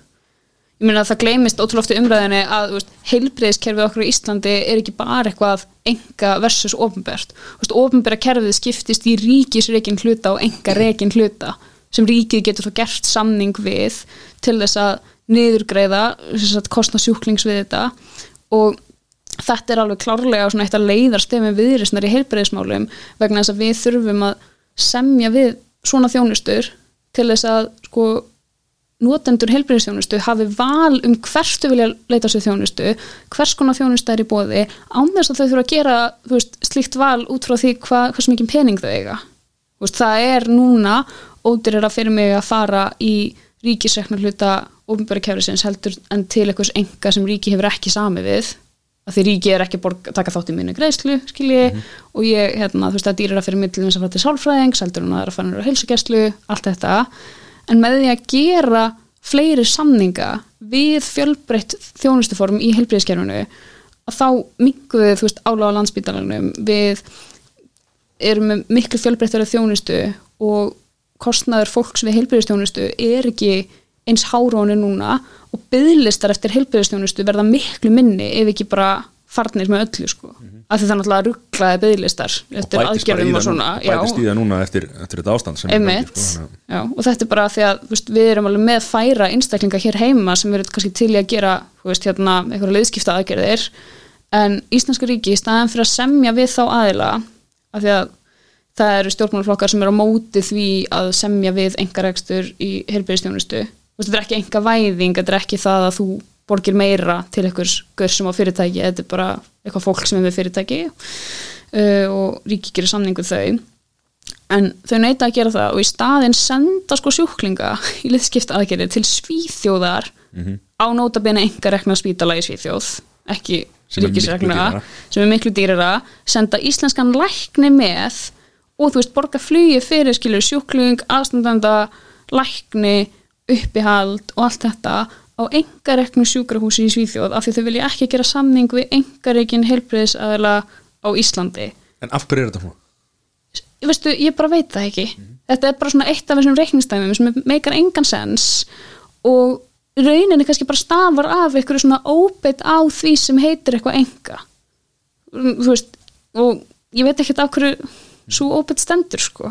En þetta er náttúrulega bara, þú veist, maður setur þetta svona fram þetta er náttúrulega bara eitthvað svona heilalust reiknistæmi sem að meikar engan sens og svona En hvernig er þetta fyrir utan eins og með, bygglistana og sjúkrafsuna, vantar bara meiri peninga inn í kerfið eða er, ég meina það vantar meiri pening inn í engarekna hlutu ofnbæra kerfisins 100% með þessum samningum. Og það hefði náttúrulega bara líka á landsbítalunum en landsbítalunum þetta er líka bara áralöng fjársvelti og mönnunavandi og sem stendur að líka af því að fólk kannski heilbreyðismenta vill ekkert endilega vinna á landsbítalunum þegar það getur búið þessi betri kjör og betri vinnu aðstöðu og allt þetta annar staðar. Þannig að þetta, við þurfum bara að ráðast í eitthvað svona heildræna endurskoðin á því hvernig við rekum landsbítalan sem skiljuru vinnustáð sem fyrirtæki sem allt þetta og sjá hvar þörfin liggur af því það dugur heldur ekki að skrúa bara frá kranunum og segja þú veist meiri pening ef að það er síðan eitthvað annað vandamál til staðar sem maður má ekki reykja til fjársveltis, af því að fjársvelti er til staðar en kannski er líka eitthvað annað vandamál. Þannig að við þurfum líka bara að fara í eitthvað svona heildræna endurskoðun á því hvernig við rekum sko, af því að eins og ég sagði áðan það dugur ekki að leggjast tíun á gjörgæslu og landsbytalinn fyrir hliðina og þóra að byðla til ríkistjórnarinn um að semja við enga reikin fyrirtæki sko. Þetta er eitt af þessum málum sem að sko landsbytalinn mun alltaf vera þrættu epli alltaf, Já, já, já. bara staðsetningin. Það búið að rífast um hann í mörg ár. -hmm. Mhm. reyndar hún að komið á reynda hún verður áfram á ringbröðinni og, og hérna, þetta er eitt af þessu stóru málum sem að allir hafa skoðun og allir munu hérna, svona, vilja leggja orði í belg. En þá með lofslagsmálin hvað ætlum við að gera þar? við þurfum að taka bara miklu stærri skref. Það er til dæmis eitt af því sem að mér finnst bara óbóðulegt við það hvernig ríkistöndin hefur bröðist við því að það eru sko skólakrakkar á hverjum einasta föstudegi þeir eru á Östuvelli sem eru alltaf að taka þátt í lofslagsverkfallinu sem er bara um allan heim sem að hún Greta Thunberg hérna, kom á stað á sínum tíma. Og það er svona eins og að sé bara við og við kannski lofslagsmál rettin og alþingi og ég er manneski sem fylgist vel með henn og alþingi og ég skal bara segja ykkur það að þessi mál eru ekki rettin og, og þau skref sem að við erum að taka þau bara duga ekki til sem sagt skuldbindingar sem við þurfum að uppfylla með að við svona alþjóðlega samninga þið veitir Parísasamkumlæðið, eitthvað frá ESB og ES og allir þessu við erum nánast að uppfylla það nú þegar án þess að vera að gera neitt sko. En við erum samt ótrúlega miklu umhverfisóðar sérstaklega með við höfðatölu. Við elskum sálsögðu að miða allt við höfðatölu sko. alltaf, alltaf bestið að verst miða við í höfðatölu. Já, en, við erum alveg umhverfisóðar sko. en í stóra saminginu þá erum við ekkit en, við erum alveg að uppfylla þessi skilirði í einhverjum samningum og eitthvað svona. Við þurfum bara að taka miklu stærri skref. Það á til dæmis að kosta þig minna sem fyrirtæki eða einstaklingur að vera umhverfisvætt við eigum að vera með svona græna kvata, svona fjárhagslega kvata þú veist það sem að í rauninni ef þú mengar þá borgar þú meira ergo þú sparar með því að vera umhverfisvæð og við þurfum að við þurfum alveg klárlega að veist, fara í aðgerðir í orkuskiptum koma upp hraðarhleðslu stöðum um allt land þannig að við getum sett takmarkanir á innflutninga á eins og bensinbílum og svoleiðis uh, af því að það mengar. Uh, við þurfum að vera hvetjandi í því hvernig neyslu við stundum. Veist, við þurfum að setja kólefnismerkingar á dót í búðum þar sem að þú getur sem upplýstur notandi ákveðið hvort kaupi ég þess, þessa tómatpúru eða þessa tómatpúru e, og þá helst að þessi sem með minna kólefnisfótspor sé líka ódýrari með þessum, þú veist, grænu kvötum þessum í rauninni bara svona ívilunum á það að reyna að stýra svolítið í umhverfisvæna neyslu og við þurfum að draga úr landlósun hjá okkur bara sem eru okkar eigin ábyrð miklu meira heldur en verið að gera núna með núverandi aðgerra áallun og við getum gert það til dæmis með því að endurumta votlendir rosalega mikið. Það er eitthvað sem að er stundum eitthvað svona heit kartabla í hérna loslasumræðinni, þú veist hvernig við að binda votlendi af því það er- eru margir bændur sem að þú veist eru með hérna skurði sem að við vorum að grafa á stríðsárunum sem að eru rauninni bara ekki nýttir. Sumir þeirra eru nýttir í eitthvað svona beitaland og annað en aðrir eru ekki sérstaklega nýttir og eru bara að dæla upp loftegundum sem að eru að þú veist, stuðla að loslasbreytingum það þarf að mókun í þetta til dæmis. Ég er að koma það grót eitrefni úr skurðunum og upp í andrúrslótið Já. Einar barða er hann ekki yfir Ótlendis sjóði eða stofu eða hvað sem þetta heitir mm. Það er eitthvað að vera að vinna í því kannski Já, ekki já. að þeim mæli eh, Nei, það þarf að gera það miklu meira sko, og það þarf eiginlega líka að vera fjárhagslegu kvati fyrir bændun að gera það af því þú veist, bændastjættin er engin einhver moldrík stjætt sko. þau hérna græða ekkert rosalega mikið pening á því sem þau eru að gera af því að við erum með mjög úrelt styr, styrkjakerfi sko. Uh, en það þarf að vera fjárhagslegu kvati fyrir þá til dæmis að fara að grafa hann í skurðina hjá þeim, uh, halda við landi sitt, hérna, stunda skórekt við getum rekta miklu fyrir skóa á Íslandi sem að binda miklu meira af koltvíóksið og allt þetta sko. Uh, við þurfum bara að fara í svona harðar alvöru aðgerðir og sem að í raun sko, munu raunverulega skipta máli að því við getum alveg setið hér og sagt bara við erum best í heimi af því að við erum ekki með kjarnorkuvel eða kólanámur eða eitthvað. En staðnmálsins er svo að við þurfum að taka miklu, miklu, miklu stærri skref. Ég, mig langar ekki að drukna í flóði þegar ég fyrir til tökjur sko. það, það bara kemur ekki til greina. En er ekki sko er, er, ekki, er ekki skipa og flugsamgöngur svona það sem að kannski stærsta vandamáli sko það er mjög stórt vandamál og það þarf 100% að fara í orkuskipti í þeim málum líka sko. Það er alveg á hreinu sko. Gallin alltaf við það er að það, þú veist, búnaðurinn er til staðar en búnaðurinn er dýr. Og þannig að þú veist, útgerðina sem eru kannski á stórum bátum sem eru að menga mikið uh, eru kannski ekki að fjárfesta í nýjustu lausnunum, þetta er bara svolítið eins og fólk sem á bíla, þið veitir, þú veist, maður kannski á bíla í mörg ár, bílar sem faktisk sem menga og maður er ekki að kaupa sér Tesla strax og hún kemur út. Þú veist, maður er að býða í nokkur ár ekki nema maður eigi, veist, pening sem maður ekki eigi neitt annað, sko. Þannig að þetta er, veist, í rauninni bara svona svipa dæmi, sko. Þá er það líka lausnir skilur eins og fólk sem býr í fjölbílshúsi það er ekki að fara að fá sér Tesla það getur ekki sett í samband það eru samt til einhver lögum það að, að hérna, fjölbilshúsin að taka þátt í, í þessu skilur en, en þetta er svona Já, í nýbyggingum er það ekki? Já, já, en, en- líka held ég í hinu sko en það er náttúrulega bara þú veist, ég býð fjölbílin er í bæ sko, það væri ekki sens fyrir mig að eiga rámagsbíl af því að ég veit ég, ég ég hef ekki séð hraðhleðstu stöð nálagt því sem það býð sko, ekki einu svona smá. Þannig að Þessu, þú leggur bara í einu staðin einu staðin sem dagur á. Já, Það er ekki með þetta staðin en nú er búið að vera að taka hérna rörin og, og, og MS búin að taka skeiðarnar þetta er orðið einhver er ekki plaskeiðar lengur sko. Já, mitt. Sko, ég er ekki ánægð með þetta sko en, en, en sko, mér veist framtaki sjálf alveg í lagi og þetta er ekki upp á þeirra einstæmi sko, þeir eru Nei. að fylgja eftir reglugerðum en það er alveg að gera þetta vel. Mm veist, eins og hérna uh, það er til svona hafvaramjólkur framleiðandi sem heitir Oatly. Og þau eru með sko papparur á sínum svona litlu kókó og mjólkur fernum sem eru bara heldur góð. Já. en síðan, þú veist, eru þessi rör og skeiðar sem eru núna kannski ekki eitthvað sem fólk er alveg vandi eða að fíla, þú veist, kannski er þetta spurningum vana. Já. kannski er þetta drasl og þá þarf bara að fara betur í framleiðsluna. En konsepti sjálft að minka notkun einnóta plast sem mjög gott sko. Það á Ég ekki hverfa frá því sko. Nei, ég er saman því en Þetta er samt, að fá eitthvað pappar papparör sem er bara Ske, Skeiðar, plast, gömlu plastskeiðar voru ekki góða til að byrja með sko. Nú er það en hvernig eru það núna sko? ég borð ekki hérna, skýr Þetta hvernig er bara þetta einhvers konar pappi Þetta er, þetta er ekki eins og skeið í læginu sko. Nei, er þetta bara eins og pappabútur eða? Já, og þú notar það til að skopla ok.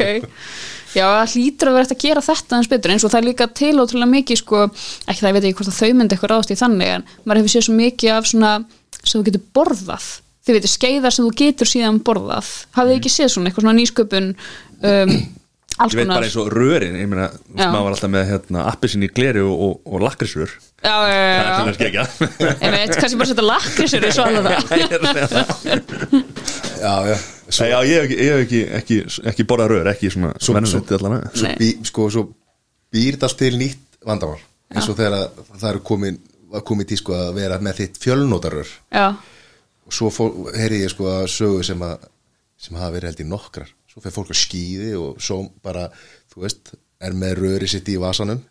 Svo lendur það í slísi þá eru bara það líkur að þetta stálrör sko, að þú fáir það bara inn í því sko. Er það ekki Þú bara lausnin að geima þetta í ykkur tösku í, í svona litlum fjölnóta póka? Já, en ég heyriði raunverulega sögu þess munaði litlu að, að þetta fjölnótarör sem að Já.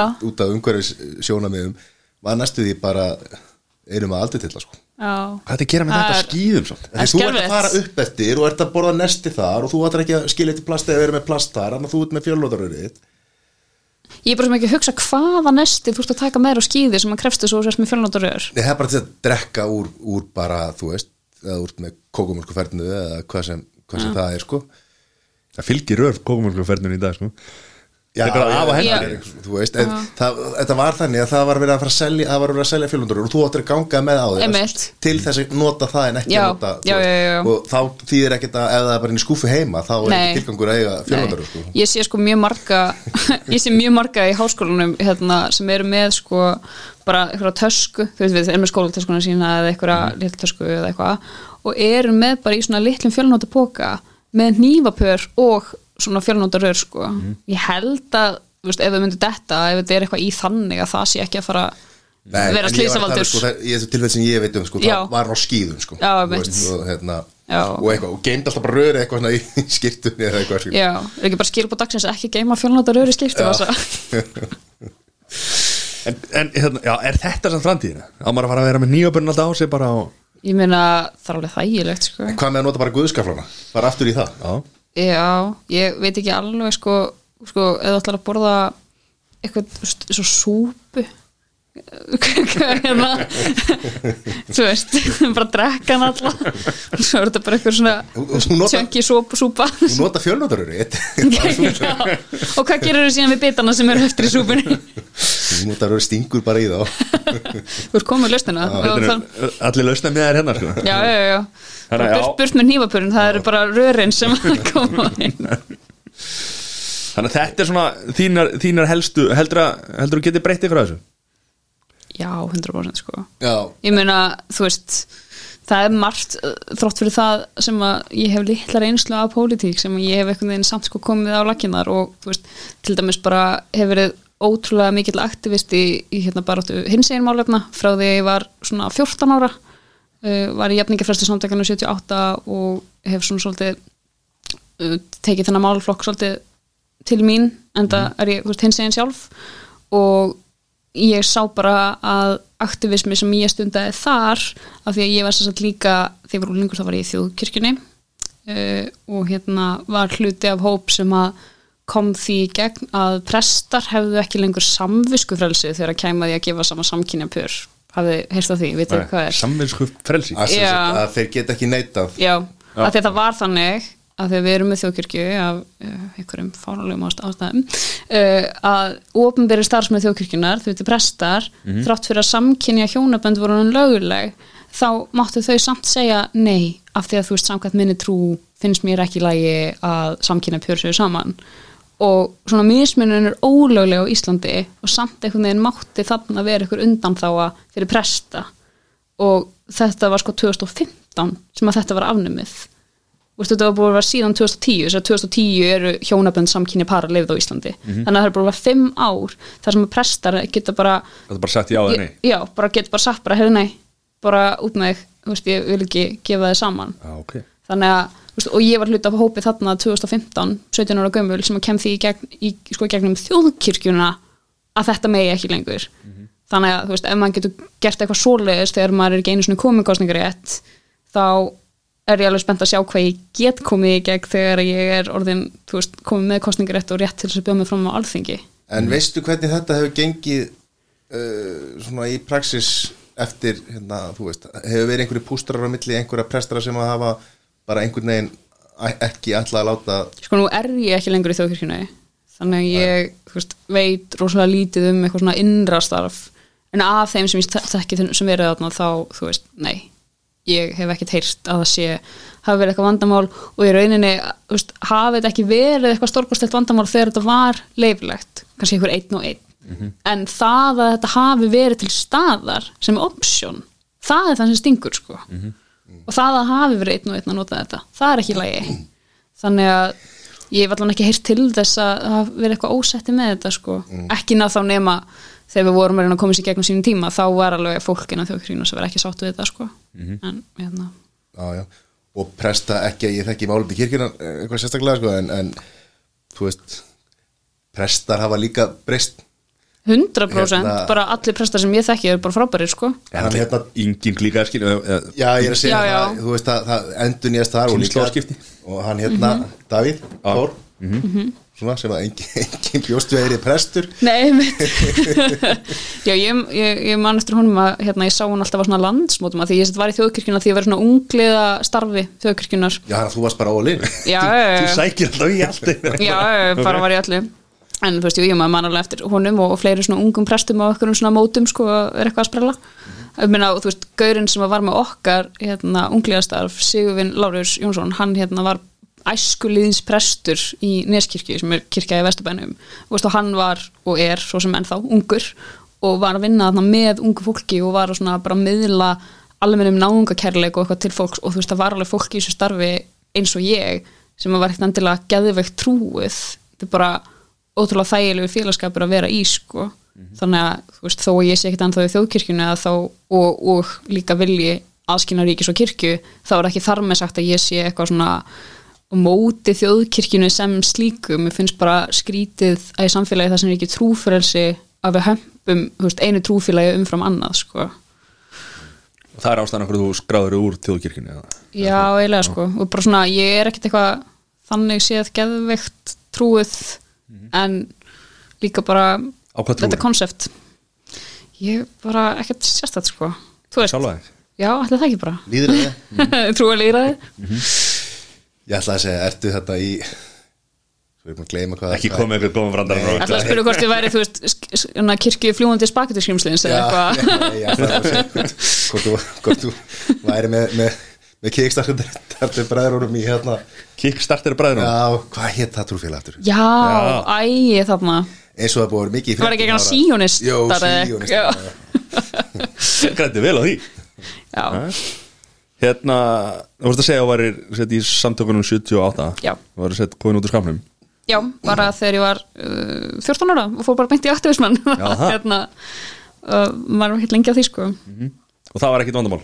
Nei. tóku þú veist, sko, fyrst þegar ég kemur til skapnum að þá hérna uh, er ég að skilgjuna við sem tvíkinniða og þú veist, viðbröðum við því voru almennt eitthvað svona, já ok, flott bara, ekkert mál. Eða, já, ok. En byrju, þannig að þú veist, þú getur bara valið þannig að þú, það er bara flott þú getur bara valið auðveldra valkostina miklu auðveldra fyrir þig að vera þá bara með strákum sem er náttúrulega heldur ekki rétt þú veist, það að vera tvíkinniður þú getur ekkert eitthvað frekar valið hvernig þú verður hrifin ef ekki frekar en þú ert straight eða gay eða eitthvað annað. Um, en síðan svona þegar að ég fór aðeins að skoða kynneðina mína betur og hérna mátaði stimpil við mig sem er pankynneið að þá fór ég að fá svona aukvötur af því að þá ert allt í hennu komin í sko skilgrinningar sem að fólk þekkir kannski ekki eins vel ég hef ekki hugmyndu hvað Nei, það er hvað er það? það er basically bara að kyn er ekki faktor sem að stýri því hvernig þú ert hrefin af Mhm. Vist, ég er bara hrefin af fólki óháð því hvort að þau séu konur eða kallar eða kynsegin eða Mhm. eitthvað, veist það bara spilar ekki hlutverk fyrir mig sko. bara persónuleika og, og, og já þú veist, ég er samt alveg, ég er ekki útlitsblind skiljur, nei, með finnst fólk alveg sætt góða. Því þetta er einmitt stundum alveg kalla persónuleika hrifning sko. En, en þú veist, algengum miskilningur líka að, þýði að ég sjá ekki hvort fólk sé aðlandi sko. já, já, ég skilji Mhm. og þannig að já, það var bara ekkit mál og það var bara já, geggjað. bara, þú veist bara þannig, sjö ára sambandi sagði á hann ekki já, já. bara byrjaði með kærastanum mínum uh, þegar ég var bjössi í mennskóla Mhm. og hann var á fjórða árunu sínu í mennskóla síðast árunu og við erum bara búin að vera saman síðan þá sko. já. Hann er strákur. Hann er strákur. Já, og, en hann, hann veit alveg að ég er byllandi hins einn og stiði það bara út í rauðan döðan og Mhm. þú veist, ég hef alveg fengið hann með mér á aðalfundi samtökunni 78 þegar það er eitthvað í gangi og ég fengið hann með mér í eitthvað prætaktivisma og svo alltaf þegar það er Reykjavík præt að þú veist, þá verð ég alveg svona geðið upptjúnuð og til í eitthvað stemningu sko, Mhm. þú veist, eins og þegar að gleðikangan er og allt það, hann er alltaf mættastur sko, já. ég menna það er fullt af fólki sem að já. Það er ekki bara samkynniðin sem fara í, í, í gleðugönguna sko. Mm, algjörlega. Og ég meina við vorum til dæmis bara núna á laugadaginn þá hérna var hinsegin félag viðrisnar að halda prætparti af því að við erum sér með hinsegin félag í flokkum okkar. Ég veit ekki hvort það séu aðri flokkar með hinsegin félag Ok. uh, félagi okkar heitir Reis við. Svona öfugt við Já. uh, og þar var svona hérna præt þemið spurningakefni og, kærast minn rústaði henni sko. Hann er alveg góðu bandamæður ég var í öðru seti það, sé tekið fram. Smá brekka þar en er er. En við erum bara óbúslega mikið sínileika af hins en fólki hjá okkur í veist, við vorum eitthvað að telja þetta saman um daginn, ég man ekki, hvort það hafi verið eitthvað veist, 13 eða 14 frambjöðandur hjá okkur sem eru ábyrjandi úr hins einn sko. við eigum eina hins einn þingmannin en alþingi núna til dæmis. Hanna Katrín Friðriksson. Hún er þingmaður viðristnar og er hins einn og síðan er einn annar sem er hins einn sko, en það er umhverfisráþurinn okkar og hann er ekki þingmaður, hann er bara ráþurra Ok. þannig að Já. Já, Já. hann, hann er ekki þingmaður Nei, kemur hann inn sem, þú veist, utan þings ráðherra.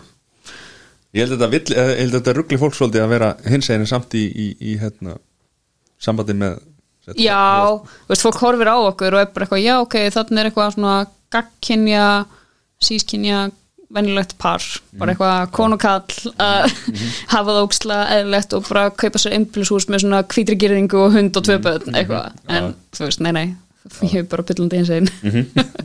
Uh, önnur áhámál fyrir utan pólitík.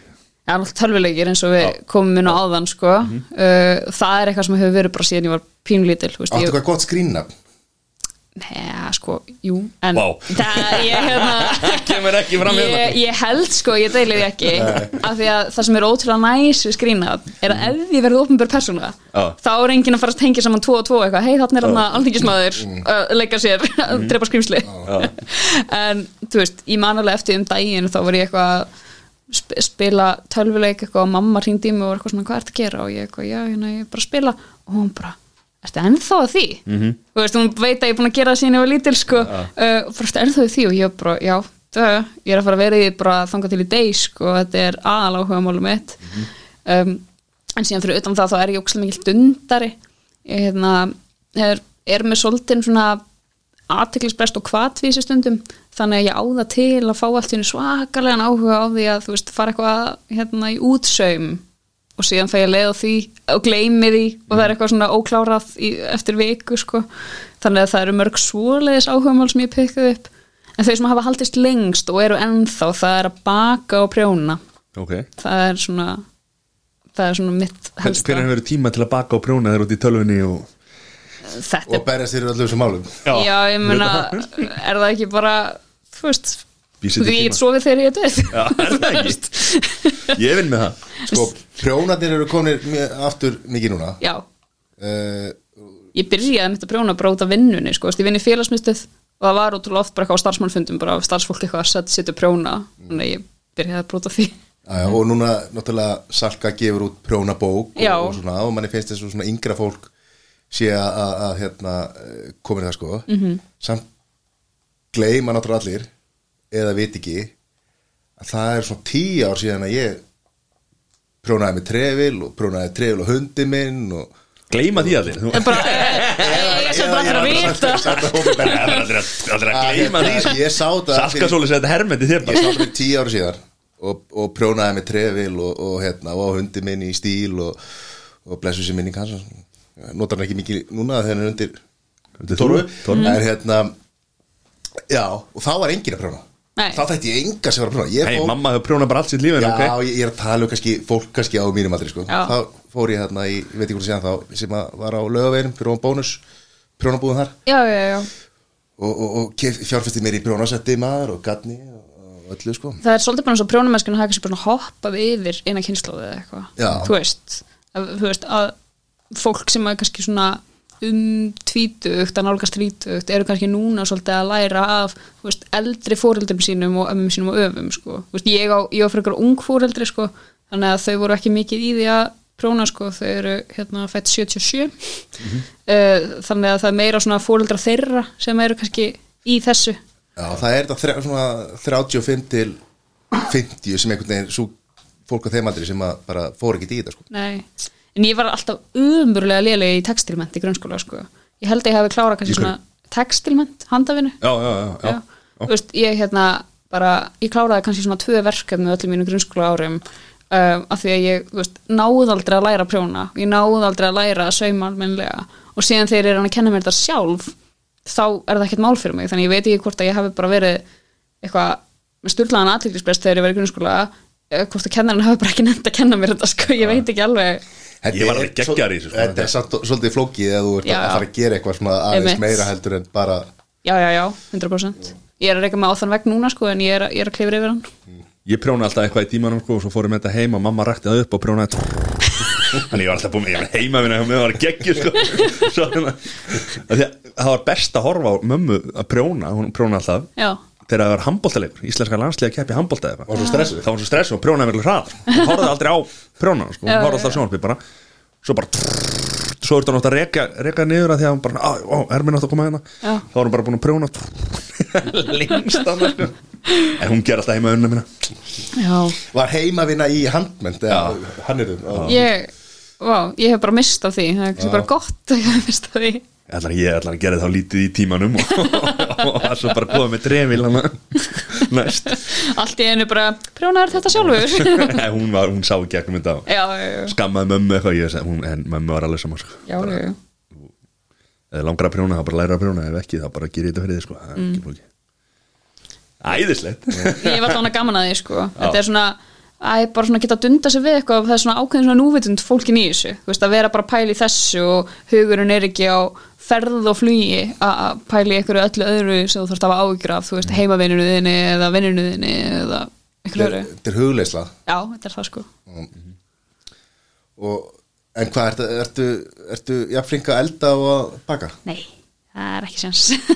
Það er bara kærasti minn sem eldar sko. Sem sagt við ákvaðum fyrir rúmlega fimm árum síðan að verða vegan.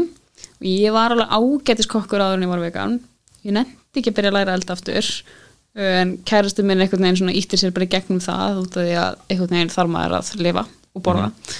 Og ég held að að byrja örgulega að koma svona tími í mínu lífi þar sem ég hef minna að gera sem ég ákveð kannski að elda mig í gegnum einhverja maturislubók, af því ég var alveg flinka að elda sko en ég er ekki flink að elda fyrir mig núna fyrir það sem ég borða sko. Það er bara, bara bræðlust og, hérna, og svo kemur bara þú veist, einhvern tíma kannski kærastu minn er í vinnunni og ég eitthvað svona já, en ég skal bara eitthvað elda. Ég, þetta verður kannski ætt. Ég lofa engu. Og þá er á stundum nei, nei, hérna, við borðum bara seint. Ég skal elda. Og finnst þið það flókið að vera vegan? Eða svona, þú veist, hvernig, þú Nei. búin að vera kannski lengi En Sko ég tók bara svolítið hérna, erfitt tímabil að sagt, byrja á þessu eða læra inn á þetta fyrst af því að ég sagt ákvað að verða vegan og meðan ég var bílprófslaus að vinna upp í mývasveit Eh? uh, hérna ekki nálagt neittni búð ekki með bílpróf til þess að keira í búð en ég bara tók ákverðun bara á einum degi. Ég borðaði allar dýraverði sko borðaði bara, veist, allt kjöt, allt, allt mjólk, allt þetta tók bara ákverðun á einum degi, bara nei, nú hættur eitthvað. Og svo bara var það svo les. Og ég þurfti bara að bjarga mér með það sem til var þangur til að við fórum í næstu búðaferð sem var eftir mánuð. Þannig að það voru bara eitthvað bönir sem voru hann í dós og eitthvað avokado og eitthvað bara ógeðslega vondur matur. Þetta er alltaf versti matur sem ég borðaði á æfi minni var þessi mánuður. En ég lærði þá bara miklu meira að retta mér sko þá einhvern veginn allt annað sem fylgir í kjölfarið þegar þú getur farið út í búð og getur farið á veitingastaf og svona, þá er það ekkert mál sko. Einhver ástæða fyrir því að fara í vegan er það mikar bara sens, þú veist. Loftlags Já, þú veist, fyrir mig þá var þetta bara svo mikill no-brainer sko út frá öllu sem maður hefur heyrt, þú veist, maður heyrir eitthvað svona dýravenduna sjónamið, eitthvað svona þú myndir ekki bara köttið en dæmi. Og svo heyrir maður sko lofsla sjónamiðið að þetta er þú veist, stærsti faktorinn í okkar lofslasmálum skiljur við. Og svo heyrir maður líka bara efnahagslega faktorinn, þú veist, að það að skipta yfir í svona plöntumiða mataræði getur verið rosalega góð lausn eins og að leysa hungur í heiminum, skiljur við.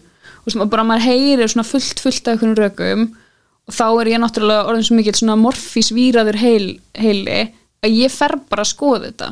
Bara ok, ég skilur hver er meðrökin, hver er móturökin og bara hinga til hef ég ekki fundið rök á móti því sem selja mig af hinum vagninum. Þannig að þú veist mæta svo vel vera vegan sko. En hvernig endar átjónar vesturbæðingur á mývatni? Eða, afi minn er sem sagt doktor í líffræði og stýrir hérna náttúruransóknarstöðunni í Mývasveit hann gert það í tíu ára. Mér fannst eitthvað að vera svo sniðið hugmynd fyrir mig að eyða einu sumri þar að vinna eitthvað fyrir hann. Uh, þannig ég var einu svona að vinna heilt suma við það að telja mýflugur á mývatni. Og hvað er það að vara? Já. Bara grínlaust sko. Það eru hérna flugnakildrur sem eru settar upp og síðan eru það tekið og síðan sitt ég bara við svona mikroskóp og, og tek sínu úr og er bara með töng og er bara í gegn og er að telja hversu margar flugur og, og af hvaða kyni Já, Já, Hvernig þekki maður kyn? það var eitthvað svona ég man ekki sko, þetta eru sko fimm ár síðan en mér vinnir þetta sé eitthvað svona kalkinsflugunar eru með svona fálmara og ekki kvenkins eða eitthvað svo leiðis En það eru bæði þarna varstu kynur að drepa dýr. Flugur, Mm, já. orðin vegan. Já, ég var líka að vinna í sko að hérna reykja silung, eða flaka og reykja hérna taðreykja. Já. það var sem sagt bara ég var svona aðeins að hluta til þar og hluta til í hinu, þetta voru bara tveir bæir hlið sko en hérna þetta var alveg skemmtilegt og ég lærði mikið uh, en hérna það var alveg erfitt líka. Já. Það er kannski allir drullir sem að drepa mýflugur. Er Það það er ekki? svo byrjandi það Já, ég meina Ég, sko, ég keppi mér ekki upp í það að fara út með flugnanet og það eru flugur sem festast í flugnanetinu og einhver þeir, eða skilur þú veist, ég keppi mér ekkit eitthvað upp við það en ég er heldur ekki eitthvað viljandi að fara bara, nú ætla ég að finna flugur til að drepa þú veist, Ég reyni nú alltaf að bjarga þeim út sko en það eru nú stundu það maður að drepa þér já.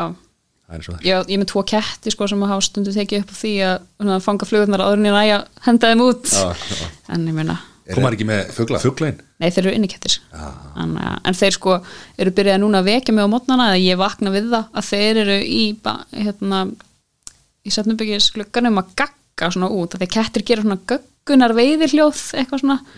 Uh, og allt í hennu vakna ég bara og ég held að vekjar hljóð komið sér hringja en þá er þetta bara kötturum minn að bara eitthvað að gagga út um gluggana því að það er eitthvað máfur að fljúa framhjá Já, ok. Það er svolítið mikið af því. Ég held fyrst að það væri komið eitthvað inn sko, eitthvað fluga eða eitthvað, þeir gera það líka þá sko. en s- nei, nei, þeir eru bara alltaf núna mótnan að fylgjast með öllum máfunum, fljúa þarna. Sæl, Sita loppuna á klukkan já, það er svona ef að, ef að hérna sólin skín á gluggana þá sér maður svona loppuför og öllum glerinu inn í íbúðinu minni. Saman hversu oft maður þrýfur það sko vegna er vetur mjög góðu tíma því þá er ekki drík og engin loppuför inni hjá mér. Heldur betur. Hvað erum við ekki búin að er þetta ekki komið það? Jú, kannski bara, þú veist Þið með lokaspurningu, eða? Nei, bara landslæðið er svolítið breytt núna Nú erum við að fá fullt af nýjum flokkum. Mhm. Það hefur alltaf verið einhver endur nýjum Við fengum bestaflokkin En einn sem var hérna Ekki hét- Björt framtíð. Framtíð uh, Þú veist, frjálsliti flokkurinn var áður Var hétt áður fyrr sko Og það Já. hefur svona dottir svo dettur flokku fólksins Inn í síðustu kostningu miðflokkurinn, Miðflokkurinn og, og viðreitt sem eru nýji, nýji flokkar En samt búin að fara í gerum kostningar sko já, Nú erum við með uh, sósélistaflokkin, við Já. erum með uh, frálstindalýðræðsflokkin mm -hmm. erum við með eitthvað meira? er ekki landsflokkurinn að bjóða sér fram Það er þannig að sá um að gæta mælt með listabókstafnum L sko. En hérna, hef ekki sem mikið frá þeim samt. Akkurat, já, hérna, sko ána með hvað undirbúin undir Gekki svo- þetta er næsta já, já, þú veist, til, til viðbúta fyrir þessar flokkar sem að voru fyrir. Já, já, já. Eh, og kannski ko- komið með til náttúrulega með svolítið trukk í þessi nýju flokkar eins og, eins og hérna Gunnar Smári og Guðmundur Franklín og svona, Já, svona uh, stórar personur algjörlega. Hver er spurningin? spurningin er svo sem hefur kannski verið leið í loftinu. Er að verða of margir flokkar sem að eru kannski uh, margir hverjar að berjast fyrir einhverjum sömu barðumálum en ná kannski ekki ja, miklu fram af því að þeir eru að taka það er allir að taka sömu kökunni Ok, ég skil hvað þú ert að fara en þú veist, ég geti auðvitað bara að tala út frá minni reynslu að viðreist skilur uh, að það er alveg ástæða fyrir því að viðreistn er sér flokkur en ekki hluti af einhverjum öðrum flokki skilur við, við aðgreinum okkur nógu mikið frá stefnumálum annara til þess að við viljum standa vörðum þau málefni í sér flokki ef það er fólki sem líður þannig með sín málefni þú veist, þá er það auðvitað bara frábært að þau getur bara séð sér fært að stopna flokka sem eru með nógu marga stuðningsmenn til að koma þeim á þing og svona. En síðan hafa líka alveg auðvitað verið stopnaði flokkar bara í gegnum eitthvað svona persónleg ágreiningsmál en ekki ágreiningsmál um málefnin. Þannig að þú veist, mér veist alveg mikilvægt að flokkar, nýjir flokkar séu ekki settir undir allir veist, sama hatt af því það eru flokkar sem að málefnalega aðgreina sig frá öðrum flokkum, svo eru flokkar sem að gera það ekkert mikið málefnalega en það er bara af því að personur og leikendur voru eitthvað eitthvað að rífast sko. Kom aldrei til greina þér að fara í píratana Nei, ég hérna var alveg, þú veist, hrifin að þeim og hérna bara margt flott fólk í pýrutum sko. Björnlefi en- Fell of Gamer einmitt, við getum kannski bara tekið leik saman. Það var kannski kannski betra. eru því að taka leikið kannski við að taka leiki saman. Sko. já, við erum svona leini screen names. Já. nei, nei, en þú veist, það bara kom ekkit annað til greina fyrir mig af því að alveg fram að stopnum viðrisnar þá var ennþá ekki flokkur sem að talaði nú mikið til mín til að taka þátt. Það er annað, þú veist, hvernig ég hefði kosið ef að viðrisn væri ekki við. Það, veist, það örugglega bara eftir málefnum líðandi stundar og fólki og svona. En það er bara mér fannst einhvern veginn, ég hafði ekki trú á því að það myndi koma flokkur nokkuð tíman með mín áherslumál, með þú veist, lofslagsvendina og svona vinstri, miðjuslagsviði velferð án þess að gefast upp á frálsum markaði mm -hmm. þangað til að þú veist, verið skom, þannig að það var eiginlega bara eina sem kom til greina. Herru, ég held að ég sé búin að fara svona í gegnum þetta. Er það ekki, eitthvað sem þú vilt segja lókum bara sama hvert fólk kýsa þá er mjög mikilvægt að það sé ungt fólk sem að sé gefið sæti við borðið og hvort sem að það sé ungt fólk í viðreist eða öðrum flokkum að þú veist, við þurfum bara að fá smá læri meðalaldur og meiri nýliðun inn á alþingi og meiri fjölbreytileika í alþingismönnum. Já, og hvetjum það fólk til þess að mæta kjörsta að með. 100% þau geta, geta kosið núna. Já. það er hægt að kjósa hjá síslumanni og svo í smáralendinni það er hérna, er ekki smáralendi bara að byrja í dag? Jú, Jú, og kringlan Herru Katrín, takk kjærlega fyrir komuna. Og Takk sem vegnaði vel í, í kostningunum framdann takk fyrir það. Takk fyrir